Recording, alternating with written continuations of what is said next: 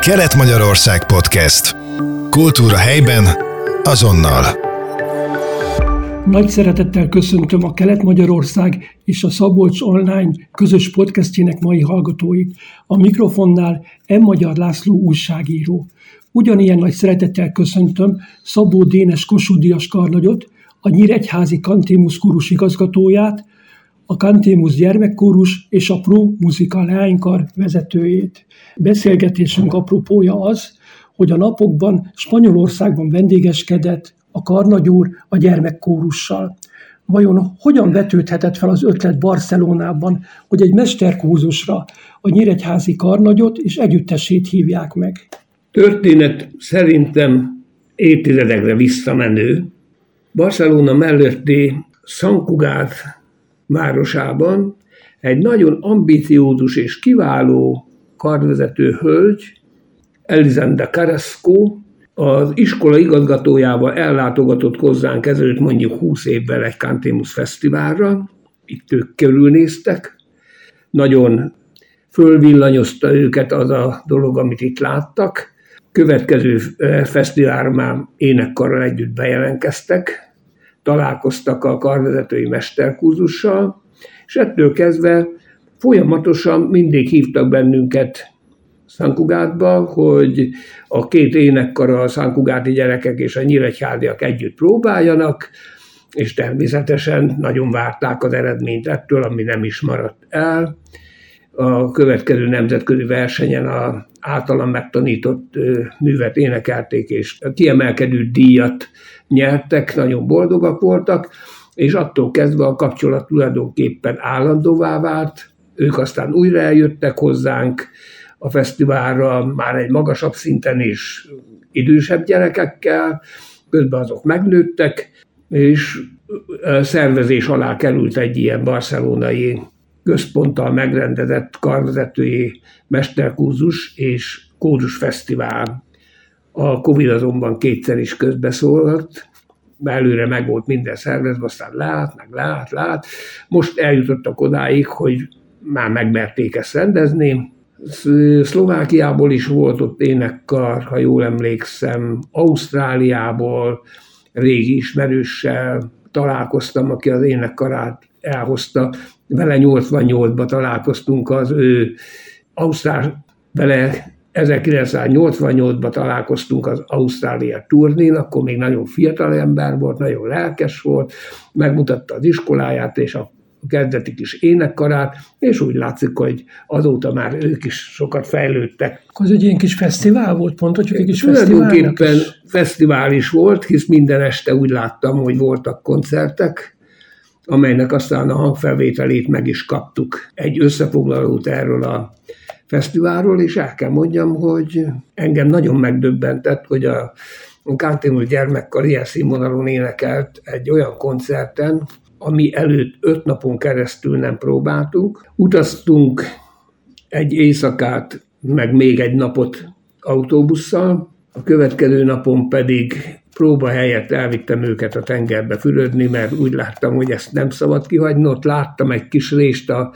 hivatalos programba, és ezek után kellett kvázi próba nélkül koncertezni. Hát nehezen tudom megfogalmazni, nem tudom, hogy honnan a lelkesedés, a figyelem, az akarat, de ahogy szoktam mondani, úgy tűnik, hogy a két év határidő, amit magamnak adtam ebbe az ügybe, hogy Covid után vissza tudunk-e jönni, hát úgy tűnik, hogy minden szempontból sikerült. Évközben már én éreztem, hogy javul a dolog, de nem voltam teljesen biztos, most teljesen biztos vagyok benne. Később akartam megkérdezni, de akkor most megkérdezem. Autóbusszal utazott el a kórus Spanyolországba, illetve Barcelonába. A 14-18 es lányokat mennyire viseli meg az utazás? A megérkezés után nincs gond a hangzással? Igen, hát erről ezek, beszéltem, igen, hogy ezek szerint akkor nincs gond a hangzással. De én tudtam, hogy reszkírozok, de a lehetőséget nem lehetett kihagyni, nem voltam benne biztos, hogy még egyszer ott a tengerbe meg tudunk-e fürödni, mert nagyon kötött volt a mhm. programunk. Hát gondoltam, hogy majd a templom biztosan, megnéztem itthon a fényképet, hogy a templom majd biztosan segít, de ezt a precizitás, pontosságot... Rátérünk majd a koncertekre is, térjünk vissza a mesterkurzusra. Arra fel lehet előre itthon készülni, vagy vannak esetleg, ott derülnek ki igények, hogy milyen műveket szeretnének hallani, foglalkozni a karvezetők, a zanai szakemberek. Hogy történik ez ott a valóságban? Tulajdonképpen a nyíregyházi kántémú gyerekek igen jó helyzetben vannak, mert lehet, hogy azt mondom, hogy a zöme esetleg száz művet is tud. És mivel itt az első évesek nem voltak benne, mert kicsi volt az autóbusz, nem tudtam elvinni az első éveseket, tulajdonképpen az a csoport, akivel én elmentem, azoknak van egy törzsanyaga, húsz gyerek mindig tudja valamelyik művet. Én előre elküldtem neki körülbelül szerintem, hogy 30 művet, hogy miből válogathatnak, akkor ők válogattak valamit, majd a helyszínen mégis kitalálták, hogy mi lenne, ha még azt is énekelnénk, és a gyerekek mindig mindent tudtak. Hát nem tudom, hogy ezt hogy raktározzák el a fejükbe, hisz ezen a karvezetői kurzuson ezen négy, négy csoport volt. Voltak a Elizanda kisgyerekei, ők a legkezdőbbekkel foglalkoztak, ilyen 17-18 éves karvezető tanuncokkal, aztán volt a Madrigál kórus Barcelonából, ők már egy korcsoporttal fönt följebb, vagy ilyen 20-25 év körüliek, volt egy harmadik csoport, nem tudom melyik csoport lehetett, egy norvég karvezető dolgozott, az mondjuk a 25 fölületekkel foglalkozott, és a kantémú gyerekek kapták a gyakorlókat, akik a pályán aktívan vesznek részt, 40 évesek is előfordultak ott a dologban. Voltak aktívak, voltak passzívak, volt átjárás, jöttek, mennek a, a hallgatók, valami 20-25-ön lehettek, azt gondolom, uh-huh. a kurzusok. Gondolom a mesterkurzus során az is kiderült, hogy a spanyol zenei szakemberek, illetve karvezetők mennyire ismerik Kodály Zoltán munkásságát, illetve a magyar kórus musikát.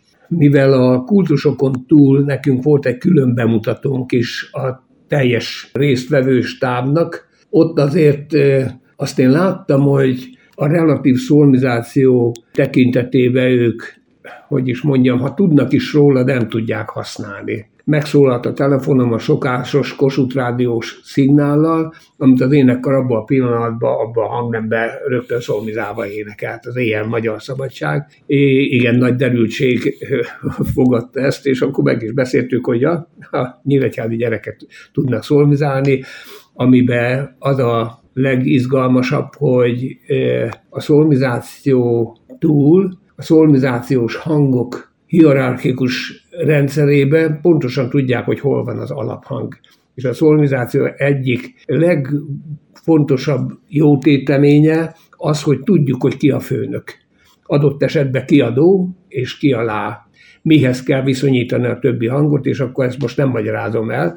Ez bonyolult, de ez egy nagyon fontos dolog a zenében, hogy ezt tisztázza az ember magában. A műhely foglalkozások mellett önálló koncerteket is adott az énekkar. Hány fellépés volt, és hol voltak ezek a fellépések? Amikor elindultuk, azt hittük, hogy kétszer fogunk énekelni, lehet, hogy ebből is adódott az én nagy vonalúságom, hogy az, utóbbi nap, az utolsó napokban egy kicsit lazábbre vettem a felkészülést. Volt lelkismert furdalásom, nem mondom, de az első koncerten rögtön a, a megérkezésünk másnapján tulajdonképpen minden felelőtlenségemet elfelejtettem. A ez Barcelonában volt? Ez vagy? Barcelonában volt. És erről érkezett a hangfelvétel? Erről érkezett a hangfelvétel, ami nagyon megdöbbentett ezek után a ismert helyszínen, a Szánkugáti hatalmas románkori monostorba volt egy, eddig soha nem így volt, mindig volt más énekkar, de ezt most egyedül nekünk kellett egy ilyen 70 perces műsort énekelni. Ettől is féltem egy kicsit, de mint kiderült, fölösleges volt. Már többször énekeltünk ott, mert ugye mi is jártunk újra és újra, idősebb lányokkal is voltam ott, és mégis azt mondta a helyi monostor apátja, hogy ő még ilyen hangversenyt nem hallott. Ő nagyon szigorú, és nagyon pontosan előre le kell adni a műsorszámot, nem lehet becsempészni akármicsodát, csak kifejezetten szakrális minőséget, de a mi nevünk már elég jó, hogy viszonylag könnyen megnyitja a templomát, mert tudja, hogy itt rend lesz. Most is végighallgatta a teljes koncertet, nagyon nagy közönség volt, nagyon nagy közönség volt, nagyon lelkes volt a közönség, szokás szerint megint fölállva tapsoltak, és miután a hangversenynek vége volt, a gyerekek érdekes módon nem szélettek szét, ritkán fordul elő, de nem szélettek szét, kivonulva ének szóval a templom előtt megálltak, és ott tovább énekeltek, a közönség is kijött, és azok sem mentek haza, nem figyelték a szertartást, hogy a gyerekek mit csináltak, körbeálltak, megfogták egymás kezét, oda hívták a szervezőt is, a zongora kísérőt is, és nekem meg az volt a feladatom, hogy én akkor most vezényeljek nekik 70 perc után valami művet. Megkérdeztem, hogy ők mit szeretnének énekelni. Elmondták, hogy ők a Pitónis szeretnék most énekelni, a boldog, énekel közönség pedig döbbentve figyelte a ráadást a templom előtt. Ez nagy élmény volt. A koncerten főleg magyar szerzők művei csendültek fel? Ezen a koncerten is, és alapvetően mindig figyelek, hogy a magyar zeneszerzők méltán oda kerüljenek. Most is tulajdonképpen a templomba elsősorban Kodály Zoltán műveit énekeltük, de természetesen nem kizárólagos a dolog, mert azért 70 perc Kodály művet nem is érdemes énekelni, sokszínűvé tettük a, a hangversenyt, és úgy látom, hogy nagyon élvezetes lett így. Amikor nem volt megkötve az első este, bár templomba énekeltek, de azt mondták, hogy lehet mást is énekelni, akkor persze még Bartókot is énekeltünk, sőt, még a a legújabban megtanult vidám számot is az ongora kísérők Tóth Donát összeállításába egy ilyen filmzene darab volt a vége, mi csak úgy, úgy mondjuk, hogy Disney medley, tehát olyan e, filmeknek a zenéjét, amit jól ismer a közönség, még az is e, belekerült, és nem volt vele gond. De a koncertek sorra azért itt nem ért véget, mert mindig úgy adódik, hogy mivel Erdem de Carrasco valamikor a Monserrati iskolába is tanított, ezért oda még mindig jó kapcsolatai vannak, és ilyenkor az én kérésemre kúzus ide, kúzus oda, úgy csinálta, hogy egy délután rászántunk arra, hogy eljussunk Monszerátba. Aki nem volt még ott, érdemes elmenni, ez egy különleges hely, minden szempontból különleges hely, fönt a homokkősziklák között, szinte megközelíthetetlen helyen van ez a apátság, ahol a fiúk szabadságon voltak, éppen nyári szabadságukat töltötték, így aztán jelenlegi karvezető, aki nemrég Nyíregyházán volt a kórusával, örömmel fogadott bennünket a fiatalember, és végig megmutatta nekünk az egész intézményt, a földaszteremtől a próbateremig és a fiúk háló részéig mindentbe bele megnézhettünk az öltözőhelyüket, a ruhájukat, és mivel ők, amikor nincsenek szabadságban, minden délután 5 órakor kis koncertet adnak a, a templomba, mi voltunk most a szolgálattevők és ott is énekeltünk.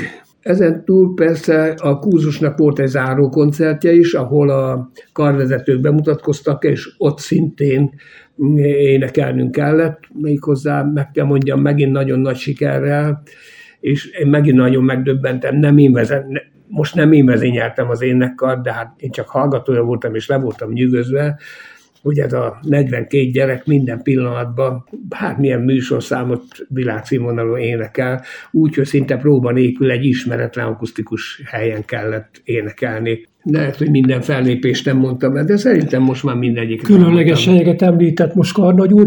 Van még egy különleges hely, amiről nem beszélgettünk. Na, a Sagrada Família. Mert hogy ott is énekeltünk. Igen, és talán most először, a kórus történetében először. Kicsit bonyolultabb a dolog, mert Elizabeth Carrasco-nak oda is vannak kapcsolatai, és ezért az elmúlt évtizedben a félkész templomba is voltunk, és énekeltünk, de akkor még ilyen lerekesztett kis részle részébe, úgy emlékszem, hogy még a magyar külügy is képviseltette magát. Az nem volt egy emlékezetes dolog, ezek a mm, minek pozdória lemezek között nem is nagyon lehetett látni a templomot, meg akusztikailag is gyenge volt, a körülmény, ezen túl meg, meg kétszer vagy háromszor is énekeltük az altemploma, ami már régóta készen van. De most, hogy a belső tér a feltemplomban, az igazi katedrálisba is elkészült, ott nem énekeltünk még egyszer sem, bár oda is bevittek már csodálkozni bennünket, és akkor megfogalmazódott, hogy milyen jó lenne, ha ott is énekelnénk. Hát Edrende Carrasco ezt is megszervezte,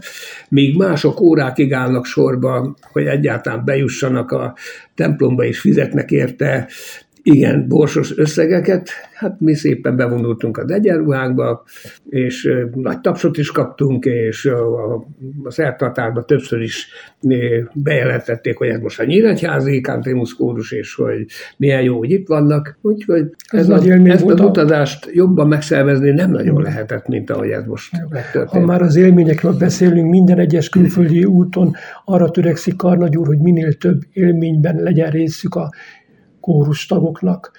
Ugye most már beszélgettünk az élményekről, hogy ilyen volt a tengerpart, a Sagrada Familia templom, volt-e még esetleg ilyen élmény, volt-e lehetőség szabadidős programokra? Mivel az énekkar néhány, az első két alkalommal bebizonyította, hogy teljesen tudja a műveket, ezért két csoportra osztottam őket, és ezért fél-fél énekkal is tökéletesen ellátta a dolgát, a másik fele mindig ment valahová.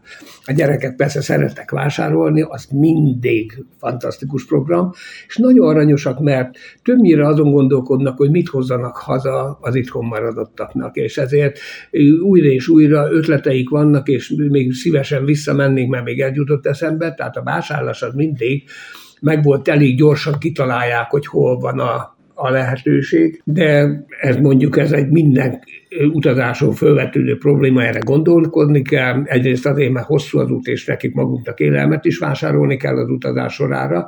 Másrészt, ahogy említettem, az ajándékokat haza akarják hozni. Ezen túl mindig törekszek arra, hogy kulturális része is legyen. Ha már Barcelonában vagyunk, akkor Gaudit nem lehet megkerülni, és ebbe is segítséget kaptunk, előre meghatározott időpontban volt belépőnk a híres Güell Parkba, amelyet minden alkalommal, minden csoporttal végigjárunk. Korábban Gaudi és Güell elképzelésének megfelelően ez egy ingyenes néppark, ahol mindenkinek jól kell magát érezni. Hát ennek már ennek a szép világnak vége van. Most szerintem most először már belépődíjat kellett fizetni, másrészt terelgetnek bennünket ebbe a parkba, úgyhogy észre sem veszük, hogy visszafele már nincsen út, és amikor az ember arra gondol, hogy de jó lenne még egyszer azt megnézni, mert ugye előre nem tudja, hogy hogy van, akkor már nagyon bonyolult, vagy néhány gyerek számára már lehetetlen volt a visszajövetel, mert kiléptek az alsó kiáraton, ami nem tudom, hogy lehet-e bejáratként is használni, de minden esetre nem engedték vissza őket, ez és bonyodalmat okozott. Ez a park változatlanul lenyűgöző a fantáziáját tekintve. A gyerekek fényképezkedtek szívesen ezekbe a ferdeoszlopos, furcsa, utopisztikus területeken, mint egy fantasztikus filmbe, úgy érzi magát az ember. A további Gaudi emlékhelyek megtekintése az nem fér bele az időbe, se a Casa se a Casa ez a két híres villa Barcelona belterületé, hát oda is hosszú időkig sorba kell állni, előre meg kell váltani a jegyet, azokat már nem sikerült. Terve vettük azt, hogy Milánó környékén úgy fogunk szállást foglalni, hogy még Milánót is megnézzük. Szerettem volna, ha az utolsó vacsorát is látjuk, mert énekar utazása ezt már nekem sikerült megszervezni. Minden alkalommal beszoktunk menni a Milánói domba, Hát most az is fizetős lett, és amikor megkérdeztük, hogy mégis hogy van, azt mondták, hogy szeptember-októberre van legközelebb időpont. Ilyen szempontból mondhatnám, hogy a világ nem jó irányba nem javul, hanem romlik. Ennek ellenére tenger sok a turista, és hát nyilvánvaló mindenki bevételre törekszik, úgyhogy ezek a, ez a régi szép ingyen világ, ez megszűnt. De egy dolgot azért mégiscsak kiharcoltam, és végül is ez lett az utazásnak a érzelmi csúcspontja. Kis kitérővel, de a híres római kori vízvezeték maradékát a Gát folyó fölötti három emeletes vízvezeték rendszert megnéztük, a Pondugát, a híres Pondugát. Előtte már órán itt, amikor a művészettörténetet is emlegetjük, meg is mutattam nekik, el is magyaráztam nekik, hogy az énekkarral, amikor arra járunk, akkor itt mindig megállunk, és fantasztikus, milyen fényképeket lehet készíteni. Sőt, ha úgy adódik, akkor még meg is szoktunk fürödni, és ez milyen jó, meg stb.